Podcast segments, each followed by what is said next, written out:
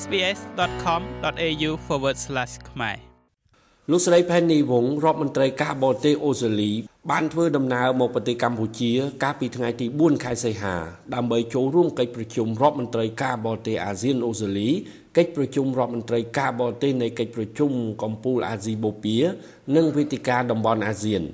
កិច្ចប្រជុំរដ្ឋមន្ត្រីការបរទេសអាស៊ានអូស្ត្រាលីបានធ្វើឡើងនៅថ្ងៃទី4ខែសីហា រីឯកិច្ចប្រជុំរដ្ឋមន្ត្រីការបរទេសនៃកិច្ចប្រជុំកំពូលអាស៊ីបូព៌ានិងវេទិកាតំបន់អាស៊ានត្រូវធ្វើឡើងនៅថ្ងៃទី5ខែសីហានេះស្ថានទូតអូស្ត្រាលីប្រចាំកម្ពុជាប្រកាសថាដំណើរទស្សនកិច្ចរបស់លោកស្រីរដ្ឋមន្ត្រីការបរទេសអូស្ត្រាលីមកកាន់កម្ពុជាពេលនេះគឺចំពេលខួបទី70ឆ្នាំនៃទំនាក់ទំនងការទូតរបស់អូស្ត្រាលីនិងកម្ពុជា លោកស្រីជួបជាមួយសមាជិករដ្ឋាភិបាលកម្ពុជា ដើម្បីពិភាក្សាអំពីការស្ដារសេដ្ឋកិច្ចឡើងវិញទំនាក់ទំនងអប់រំសន្តិសុខសុខាភិបាល និងសិទ្ធិមនុស្សជាផ្នែកមួយនៃដំណើរទស្សនកិច្ចនេះផងដែរលោកស្រីរដ្ឋមន្ត្រីការបរទេសអូស្ត្រាលីនឹងអញ្ជើញធ្វើទស្សនកិច្ចនៅមជ្ឈមណ្ឌលអូស្ត្រាលីសម្រាប់ការបណ្ដុះបណ្ដាលភាសាអង់គ្លេសហៅកាត់ថា ACE ដើម្បីបើកសាខាថ្មីរបស់សាលានេះ សាលា ACE បានផ្ដល់ការបណ្ដុះបណ្ដាលភាសាអង់គ្លេសដល់ប្រជាជនកម្ពុជាជាង50ម៉ឺននាក់ចាប់តាំងពីសាលាត្រូវបានបង្កើតឡើងកាលពី30ឆ្នាំមុនកាលពីថ្ងៃទី4ខែសីហាម្សិលមិញនៅពេលចុះពីយន្តហោះមកដល់ភ្នំពេញភ្លាមលោកស្រី Penny Wong ដែលដៃស្ដាំត្រូវប៉ង់ស៊ឺម៉ង់និងរុំខ្សែភ្ជាប់កបានចូលរួមកិច្ចប្រជុំរដ្ឋមន្ត្រីការបរទេសអាស៊ានអូស្ត្រាលីនៅសន្តាគារសុខាភ្នំពេញ។ លទ្ធផលនៃកិច្ចប្រជុំនេះត្រូវបានលោកគង់ភោគរដ្ឋលេខាធិការនិងជាអ្នកនាំពាក្យនៃកិច្ចប្រជុំរដ្ឋមន្ត្រីការបរទេសអាស៊ាននិងកិច្ចប្រជុំពាក់ព័ន្ធបានប្រកាសយ៉ាងដូចនេះថា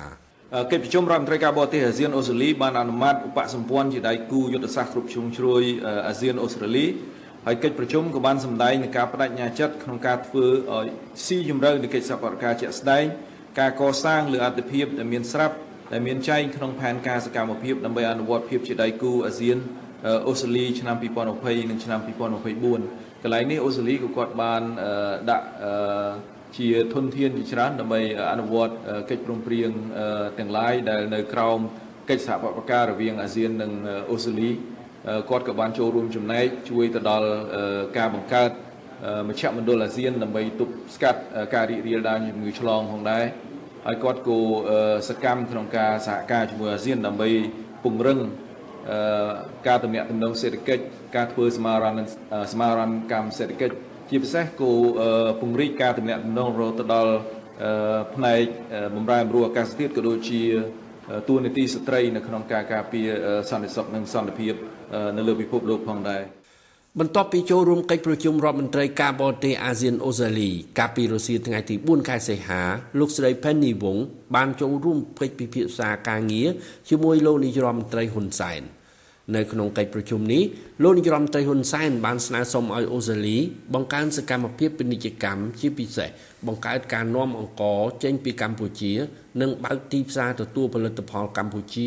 ឲ្យបានធំទូលាយជាងមុនដើម្បីពង្រីកកិច្ចសហប្រតិបត្តិការក្នុងវិស័យពាណិជ្ជកម្មបន្ថែមទៀត។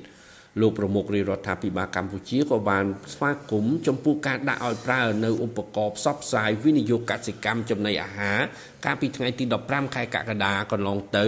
ដែលជាថ្នាបបច្ចេកវិទ្យាតែមួយគត់ដែលនឹងផ្ដល់ព័ត៌មាន និងជួយវិនិយោគិនផងដែរ លោកយមត្រីហ៊ុនសែនក៏បានសម្ដែងនៅការរីករាយនៅភាពជាដៃគូរវាងកម្ពុជាអូស្ត្រាលីជាពិសេសរីករាយដោយឃើញទំហំពាណិជ្ជកម្មទ្វេភាគីបានកើនឡើងក្នុងរង្វង់ជាង200លានដុល្លារសហរដ្ឋអាមេរិកក្នុងមួយឆ្នាំចាប់ពីឆ្នាំ2019មកសូមរំលឹកថាកម្ពុជាបានធ្វើជាម្ចាស់ផ្ទះក្នុងនាមជាប្រធានអាស៊ាននៅឆ្នាំ2022នេះរៀបចំកិច្ចប្រជុំរដ្ឋមន្ត្រីការបរទេសអាស៊ាន និងកិច្ចប្រជុំពាក់ព័ន្ធ ចាប់ពីថ្ងៃទី30ខែកក្កដាដល់ថ្ងៃទី5ខែសីហាមានរដ្ឋមន្ត្រីការបរទេសនិងតំណាងរដ្ឋមន្ត្រីមកពី38ប្រទេសបានចូលរួមក្នុងនោះមានរដ្ឋមន្ត្រីការបរទេសប្រទេសមហាអំណាចក៏មកចូលរួមកិច្ចប្រជុំដោយផ្ទាល់ដែររួមមានរដ្ឋមន្ត្រីការបរទេសរុស្ស៊ីចិនអាមេរិកឥណ្ឌាកូរ៉េនិងរដ្ឋមន្ត្រីការបរទេសជប៉ុនជាដើមខ្ញុំម៉េងផល្លា SBS ខ្មែររាយការណ៍ពីរាជធានីភ្នំពេញ ខ្ញុំម៉េងផល្លា SBS ខ្មែររាយការណ៍ពីរាជធានីភ្នំពេញ